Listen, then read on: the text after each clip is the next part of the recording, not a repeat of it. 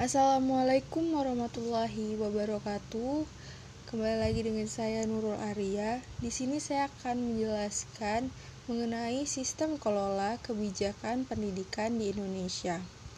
Kebijakan pendidikan sebagai suatu pertimbangan yang didasarkan atas sistem nilai dan beberapa penilaian atas faktor yang bersifat situasional Pertimbangan tersebut dijadikan sebagai dasar untuk mengoperasikan pendidikan yang bersifat lembaga.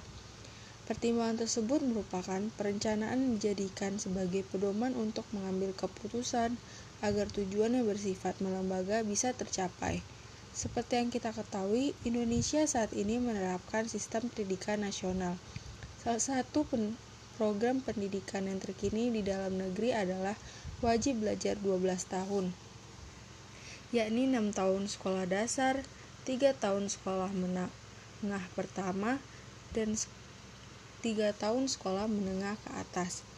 Ada tiga instansi pemerintah yang membawahi sekolah-sekolah dan hasil survei program for International Student Assessment atau tahun 2018 yang diterbitkan pada Maret 2019 lalu memotret sekulumit masalah pendidikan di Indonesia dalam kategori kemampuan membaca, sains, dan matematika.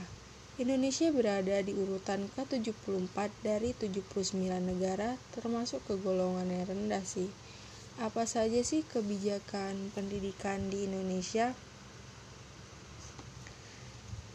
Arah kebijakan pendidikan di Indonesia berdasarkan Undang-Undang Republik Indonesia Nomor 20 Tahun 2003 tentang sistem pendidikan nasional diarahkan untuk mencapai hal-hal berikut yang pertama, mengupayakan perluaan dan pemerataan kesempatan memperoleh pendidikan bermutu tinggi bagi seluruh rakyat Indonesia menuju terciptanya manusia Indonesia yang berkualitas tinggi dan meningkatkan anggaran pendidikan secara berarti.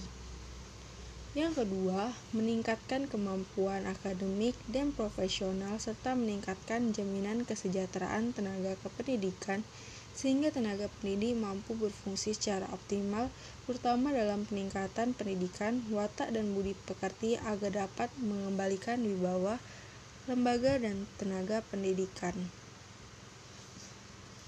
Yang ketiga, melakukan pembaruan sistem pendidikan termasuk pembaruan kurikulum, berupa diverifikasi kurikulum untuk melayani keberagaman peserta didik, penyusun kurikulum yang berlaku nasional dan lokal sesuai dengan kepentingan setempat, serta diverifikasi jenis pendidikan secara profesional. Kebijakan apa saja yang pemerintah untuk membantu meningkatkan sistem pendidikan Indonesia? Yang pertama, adanya bantuan dana sekolah dan kuliah bagi siswa atau mahasiswa yaitu Kartu Indonesia Pintar yang berguna bagi siswa atau mahasiswa yang kurang mampu untuk mengencam pendidikan. Yang kedua, dihapuskannya UN dan diganti dengan AKM. Selain kebijakan, ada juga permasalahan yang ditimbulkan beberapa permasalahan pendidikan yang menonjol di antaranya pendidikan telah kehilangan objektivitasnya. Masih jauh dari realitis yang dihadapi peserta didik. Yang kedua, pendidikan belum mendewasakan peserta didik. Yang ketiga, pendidikan tidak menumbuhkan pola berpikir kritis, kurangnya bahan pembelajaran bagi siswa, atau guru infrastruktur pendidikan yang kurang atau tidak memadai. Dengan adanya permasalahan ini diharapkan ada agar mengat mengatasinya. Cara untuk mengatasinya yang pertama, mempekerjakan guru yang profesional.